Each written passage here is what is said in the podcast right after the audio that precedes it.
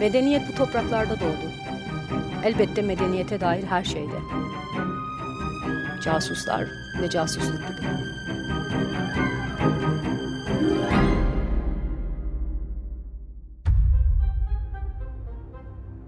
Orta Doğu'nun kaderini değiştiren casuslar ve casusluk faaliyetleri serisinin 5. bölümündeyiz. Bugün size iki farklı hikaye anlatacağım. Beyrut sosyetesinin güzel yüzü Şulemit Hanım ve Suriye'de başbakan olacakken asılan Mossad ajanı Eli Bey. Bu bölge İsrail'in resmi olarak kurulduğu 1948 yılına kadar elbette Osmanlı'dan Nazilere, Sovyetlerden Amerikalılara çok sayıda istihbaratçının mesken tuttuğu bir coğrafya. İsrail'de resmi olarak kurulmadan çok önce Yahudilerin bölgenin kaderini etkileyen istihbarat faaliyetleri başlamıştı. Peki İsrail kurulmadan önce Yahudi casuslar nereye bağlıydı? Nasıl organize olurdu? Para alırlar mıydı? Görevleri neydi? Hepsinin cevabı hala açık olan Yahudi Ajansı'nda saklı. Ajans 1929'da kuruldu. Ancak başka kuruluşların devamıydı diyebiliriz. Mossad da Yahudi Ajansı'nın devamı. Ancak konumuz bu değil bugün elbette. Yahudi Ajansı'nın gönüllülerden oluşan bir casus ordusu vardı. Orta Doğu'da İran'dan bugünkü Körfez ülkelerine kadar bütün coğrafyada yaşayan Yahudi nüfus, Yahudi Ajansı için bitmeyen insan kaynağı ve istihbarat demekti. Kurulduğu dönemde İngilizler Filistin'e Yahudi göçünü sınırlandırmaya çalışıyordu. Ancak Avrupa'da faşizm rüzgarı bütün kıtayı sarmaya başlamıştı. Ve elbette ki bu rüzgarın ilk hedeflerinden biri de Yahudilerdi. Gönüllüler ağının öncelikli görevi Avrupa'dan ya da bölge ülkelerinden Yahudileri Filistin'e kaçırmaktı. Ancak istihbarat toplamak da önemli görevler arasındaydı. Ne kadar doğru bilinmez. Ancak Yahudi Ajansı'nın insanların bahçesindeki ağaç sayısından aile içi husumetlere kadar korkutucu derecede detaylı kayıtlar tuttuğu söyleniyor. Ajansın gönüllülerinden biri de Shulemit Cohen adlı bir Yahudi kadındı. Babası Filistin Mısır vatandaşı olan Meir Azra Cohen'di. İş kurmak için o dönemde Orta Doğu'dan birçok insanın yaptığı gibi Arjantin'e gitti. 30'lu yaşlarına geldiğinde evlenmeye karar verdi. Kudüs'e gidip hahamlardan birinin kızı ile evlendi. Tam 12 çocuğu oldu. Dördüncü çocuğu Arjantin'de dünyaya gelen Şulemit Hanım'dı. 1930'lu yıllarda aile için maddi sıkıntılar başlamıştı. Aile 16 yaşında olan Şulemit'i Lübnan Yahudilerinden zengin bir adamla Joseph Kışık ile evlendirdi.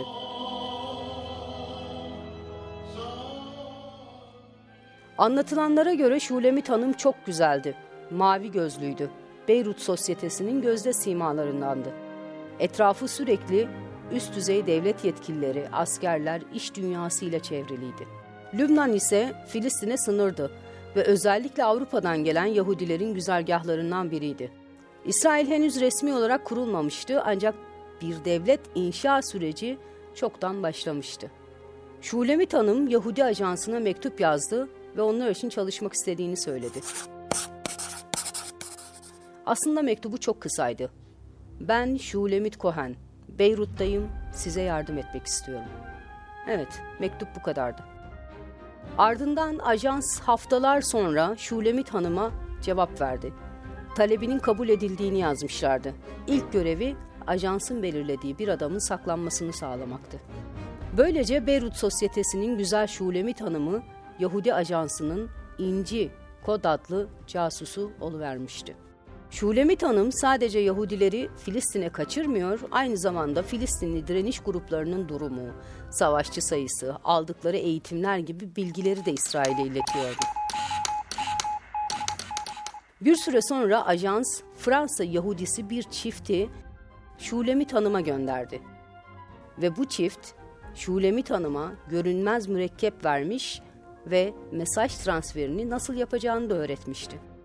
Ancak ilk başlarda mesajlaşma güvercinlerle yapılıyordu. Zamanla radyo programları ile şifre gönderme gibi klasik yöntemler de kullandı Şulemit Hanım. Zamanla uzmanlaşan Şulemit Cohen Yahudileri Filistin'e kaçak yollarla geçiren şebekeler de oluşturdu. İngilizler de Yahudi göçünü sınırlandırma konusunda çok katıydılar. Lübnanlılar sınır güvenliğini artırmaya başladı. Cohen, karayolu tehlikeli hale gelince deniz yolunu kullanmaya başladı. Beyrut'tan gemilerle insan taşınıyordu artık. Şulemit Hanım'ın bürokraside tanıdıkları vardı ve sürekli rüşvet dağıtıyordu. Kimileri bir fuhuş çetesi de oluşturduğunu söylüyor ancak bununla ilgili kanıt yok henüz.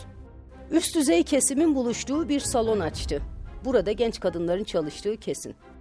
Şulemit Hanım faaliyetlerine devam ederken Lübnan'da bir genel cumhurbaşkanı seçildi ve istihbarat birimi kuruldu. Ancak hem bütçe hem de nitelikli personel sıkıntıları vardı. Ancak diğer taraftan da durum ciddiydi. İsrail, Lübnan tarafının bütün hareketlerini ne yapacağını biliyordu. Daha detaylı çalışmaya başladı istihbarat birimi. Kimlerle ya da nasıl bir yapıyla karşı karşıya olduklarını anlamaya çalışıyorlardı. Bu arada Lübnan Maliye Bakanlığı'nda maddi değeri yüksek çok miktarda pul çalınmıştı. Lübnan istihbaratı Muhammed Avvad adlı üst düzey bir bürokrattan şüpheleniyordu ve Avad'ın telefonlarını dinlemeye başladılar. Avad'ın bir kadınla ancak kesinlikle sıradan olmayan bir kadınla sık sık telefonda konuştuğu tespit edildi.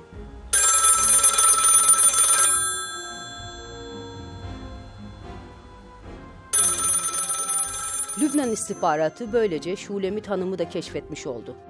Ve Şulemit Cohen'in hem üst katını hem de evinin karşısındaki daireleri kiraladı ve onu da dinlemeye aldı.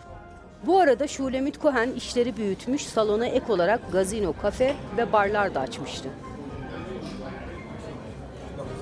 Ve buraların da müşteri profili oldukça yüksekti.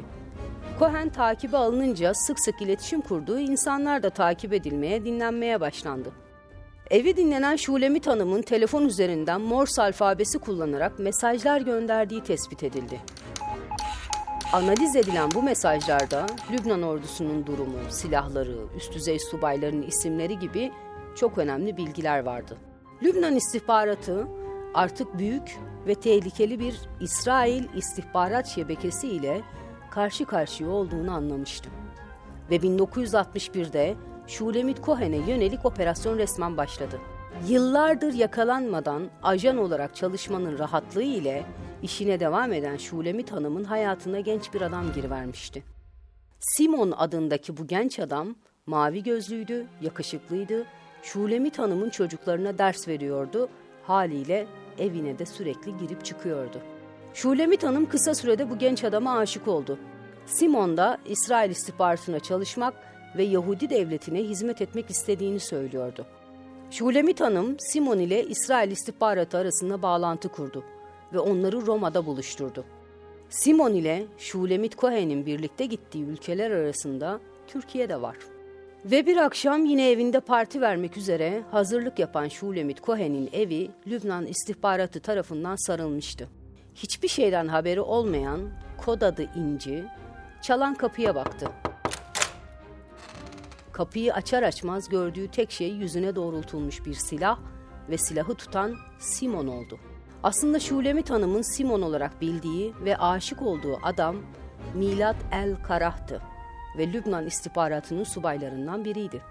Şulemit Hanım kendisine kurulan tuzağa düşmüş ve yakalanmıştı. Lübnan topraklarında yakalanan ilk İsrail ajanıydı. Ve yakalanmadan 14 yıl boyunca çalışmayı da başarmıştı. İnsanlar özellikle de Lübnan üst düzey tabakası resmen şok olmuştu. İlk sorgusunda evet ben İsrail'e çalışıyorum dedi. İşkence gördü, yargılandı, ölüm cezasına çarptırıldı. Ancak bütün dünyadan Lübnan'a baskı vardı ve 7 küçük çocuğu olduğu için hüküm 20 yıl hapis cezasına dönüştürüldü. Gerçi sadece 6 yıl hapis yattı Lübnan'da. 1967'deki Arap-İsrail Savaşı'nda Suriyeli, Lübnanlı ve Mısırlı esirlere karşı İsrail tarafının aldığı isimler arasında Şulemit Cohen de vardı. Ailesi ve çocuklarıyla birlikte İsrail'e gitti. 2017 yılında tam 100 yaşındayken öldü.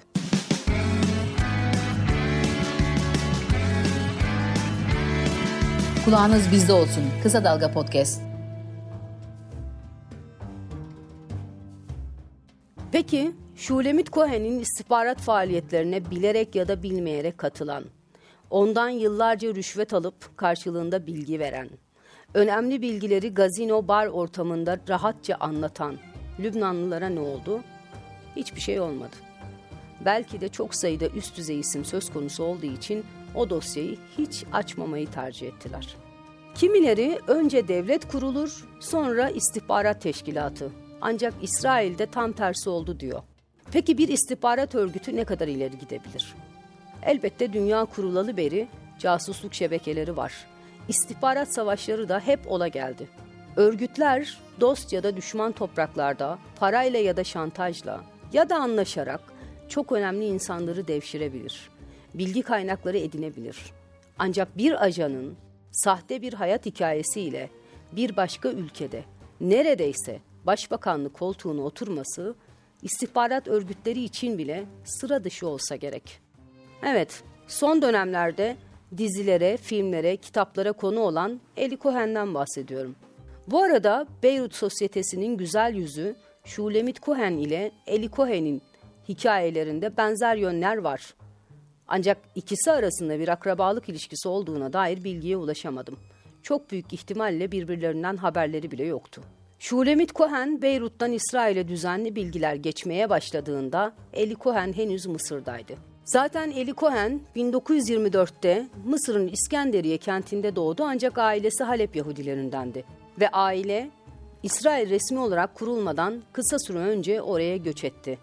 Ancak Eli Cohen Mısır'da kaldı. Bir taraftan üniversite öğrenimine devam etti, diğer taraftan Siyonist gençlik örgütlerinde aktif rol aldı. Cohen'in İsrail istihbaratı ile ilk teması da Mısır'da başladı. Bu arada Mısır'da ve bölgede Cemal Abdülnasır rüzgarı esiyordu.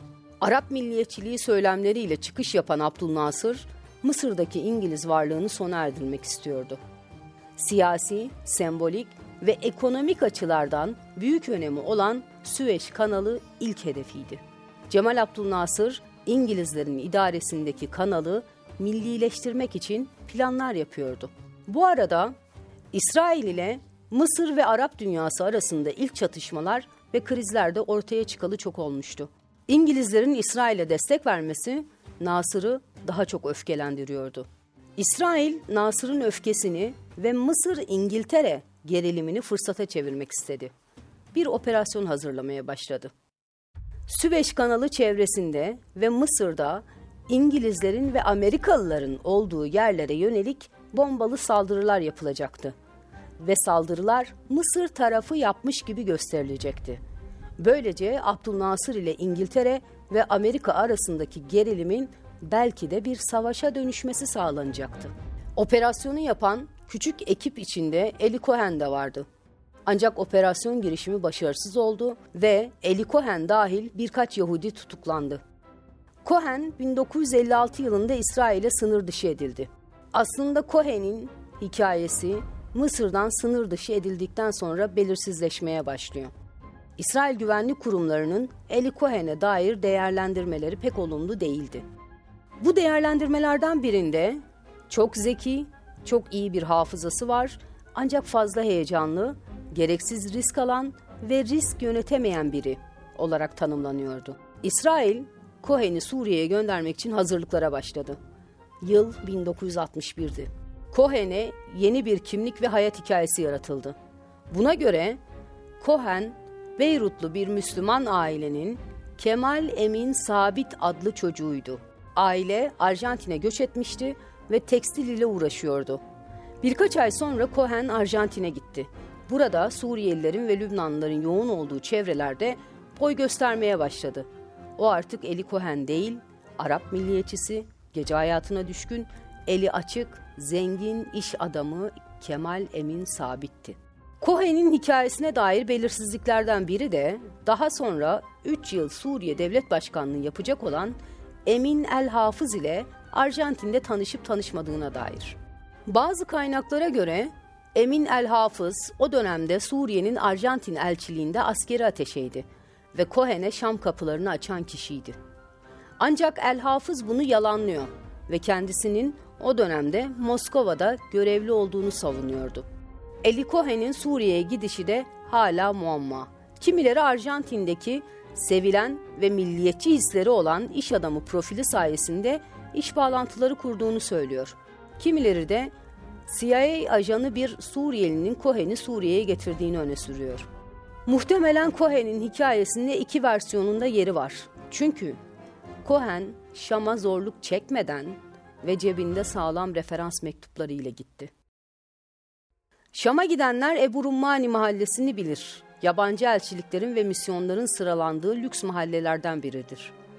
Cohen, Ebu Rummani'de bugün hala aynı yerde olan Suriye Hava İstihbarat Binası'nın karşısındaki bir daireyi kiralamıştı.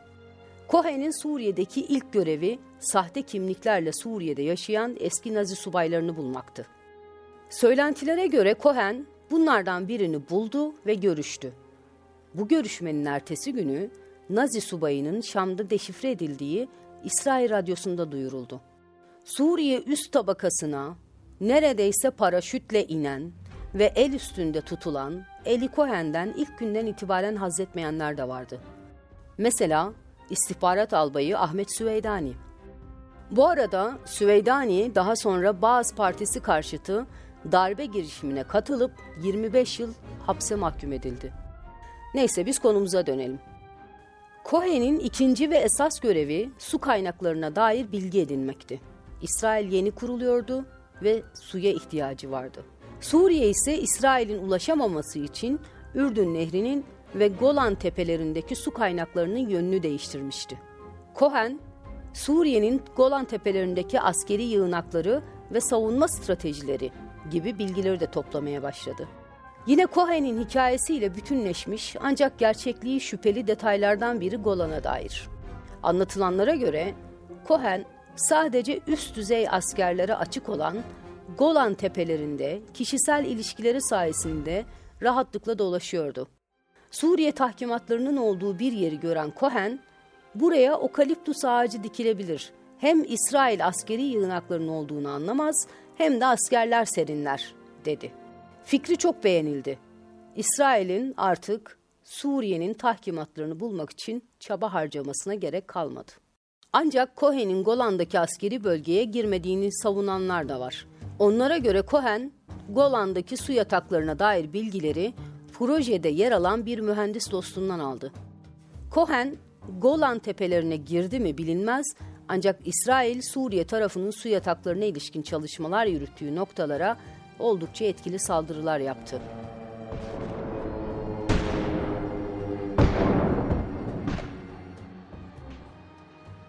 ...1967'deki 6 gün savaşlarında da Golan Tepeleri sadece iki gün içinde İsrail'in eline geçti.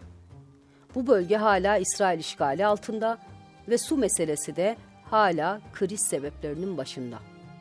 Cohen'in Kemal Emin sabit olarak Şam'da yeni hayatına başladığı yıllarda Suriye erken kalkanın darbe yaptığı istikrarsız bir ülkeydi. Ve bu şartlar Cohen'in işini çok kolaylaştırıyordu. Ayrıca Cohen çok sıkı dostlar edinmişti. Öyle ki bir ara bu ilişkileri sayesinde adı Savunma Bakanlığı Müsteşarlığı için bile geçiyordu. Cohen yıllardır Şam'daydı ve yakalanmamıştı. Belki de bunun verdiği rahatlıkla artık dikkatsiz hareket ediyordu. Mesela Mossad Cohen'e günde sadece bir kez mesaj göndermesini söylemişti. Ayrıca bu mesaj süresi de iki dakikayı aşmamalıydı. Ancak Cohen gün içinde defalarca uzun uzun mesajlar gönderiyordu. Şam'daki hayatından sıkılmış olsa gerek, maç sonuçlarını sormak için bile mesaj gönderdiği oluyordu. Teknolojik imkanların çok sınırlı olduğu yıllardı. Çok sayıda elçiliğin olduğu Ebu Rummani'de bütün misyonlar mesajlarını radyo frekanslarını kullanarak gönderiyordu. Bölgedeki sürekli yoğunluk elçiliklerin söylenmeye başlamasına sebep oldu. Suriye istihbaratı hatları meşgul eden kayıtsız kaynağı aramaya başladı. Bunu tespit etmek için gerekli cihazlara ve uzmanlara sahip Sovyetler Birliği'nden yardım istedi. Velhasıl Suriye istihbaratı Eli Cohen'i şifreli mesaj gönderirken evinde suçüstü yakaladı. Anlatılanlara göre kapı kırıldıktan sonra Cohen'in ilk gördüğü yüz Albay Ahmet Süveydani'ydi. Cohen'e dair bir belgeselde hikayeyi Süveydani'den duyduğunu söyleyen bir tarihçiye göre Suriyeli istihbaratçılar baskını yaptıklarında cihazları bulamamıştı. Etrafı aramaya devam ederken subaylardan biri sıkışan perdeyi çekiştirirken cihazın bir parçası tavandan düşmüştü. Diğer parçası ise çalışma masasına oyulmuş bir bölümde bulunmuştu. Cohen'i önce yabancı istihbarat örgütlerine çalışan bir Suriyeli veya Arap zannetmişlerdi. Bütün bunlar yaşanırken Cohen'e Şam kapılarını açmakla suçlanan Emin El Hafız hala devlet başkanı olarak görevdeydi. El Hafız bir röportajda Kur'an'dan çok bilinen birkaç sure okumasını istedim. Okuyamayınca anladık demişti. Ancak Mısır'da büyüyen Cohen'in Mısır şivesini düzeltmek için bile eğitim aldığı düşünüldüğünde bu iddia pek inandırıcı görünmüyor. Ayrıca Müslüman bir kimlik yaratılan Cohen'e topografiye varana kadar detaylı eğitim veren Mossad'ın bir iki sure ezberletmemiş olması da oldukça garip. Kimileri de Cohen'i iyi tanıyan Mısır istihbaratının epey geç olsa da Suriye'yi uyardığını söylüyor. Suriye istihbaratı tarafından yakalanan iki CIA ajanının Cohen'in adını verdiğini ve bu sayede yakalandığını savunanlar da var. Dönemin İsrail Dışişleri Bakanı Golda Meir, Sovyetler Birliği dahil birçok ülkeden Cohen'in serbest bırakılması için yardım istedi. Ancak Cohen 18 Mayıs 1965'te Şam'daki Merce Meydanı'nda idam edildi. Ve mezar yerinin birkaç kez değiştirildiği söyleniyor. Artık dünyada ülkeler arası ilişkiler de çok değişti. Sovyetler Birliği yok ve Rusya Federasyonu ile İsrail arasındaki ilişkiler oldukça iyiydi. Ukrayna krizi patlayana kadar tabii ki. Rusya, Şam'ın Yarmuk mezarlığının etrafını brandalarla çevirip aylarca Eli Cohen'in mezarını aradı. İsrail'e teslim edilecek kalıntılar Rusya-İsrail ilişkileri açısından önemliydi elbette. Ancak Ukrayna krizinden sonra iki ülke ilişkileri de inişli çıkışlı hale geldi ve çalışmalar durdu. Bu arada Russia Today bir süre önce bir haber yayınladı. Habere göre St. Petersburg'daki bir antikacı satışa çıkarılan bir dairedeki eski eşyaları aldı. Eşyaların içinden 1960'larda kullanılan Japon malı bir kamera ve film ruloları da çıktı. Antikacının elinde filmleri görüntüleyecek cihaz yoktu. Epeyce uğraşıdan sonra ruloların 1960'ların başında Şam'da görev yapan bir Sovyet ajanı tarafından çekildiği anlaşıldı. Boris Lukin adlı bu ajanın çektiği görüntüler arasında birkaç saniyeliğine bir adam belirdi. Aslında sadece kameranın önünden geçmekte olan bu adam Eli Cohen'di. Eli Cohen ve kameranın arkasındaki Sovyet ajanı Boris Lukin Şam'da tanıştılar mı bilinmiyor. Ancak Cohen, Şam'a Lukin'in de aralarında olduğu 50'den fazla Sovyet subayının ve istihbaratçının geldiğini çoktan Mossad'a bildirmişti. Cohen'in yakalanmasında Lukin'in de aralarında olduğu Sovyet istihbaratçılar kilit rol oynadı. Aradan on yıllar geçti ve Lukin şahsen olmasa da çektiği görüntüler ile Cohen'in hikayesine bir kez daha dahil oldu. İsrailli araştırmacılar Cohen konusundaki gerçekleri Mossad ve Suriye istihbaratı arşivlerini açmadığı sürece öğrenemeyeceğiz diyor. Cohen daha kuruluş aşamasında sayılan İsrail'in ve Mossad'ın kahraman yaratmaya, kahramanı efsaneleştirmeye ihtiyacı olduğu bir dönemde ortaya çıkmıştı. Cohen'in ajanlık yaptığı dönemde topyekün bölgenin kaderini değiştiren birçok gelişme de yıllar içinde hikayesine eklemlendi. Popüler kültürle birlikte Cohen'in hikayesi ölümünden sonra bile yarı gerçek, yarı kurgu öğelerle büyümeye devam ediyor. İsrail Cohen'e Ajan 88 ya da Şam'daki adamımız diyordu.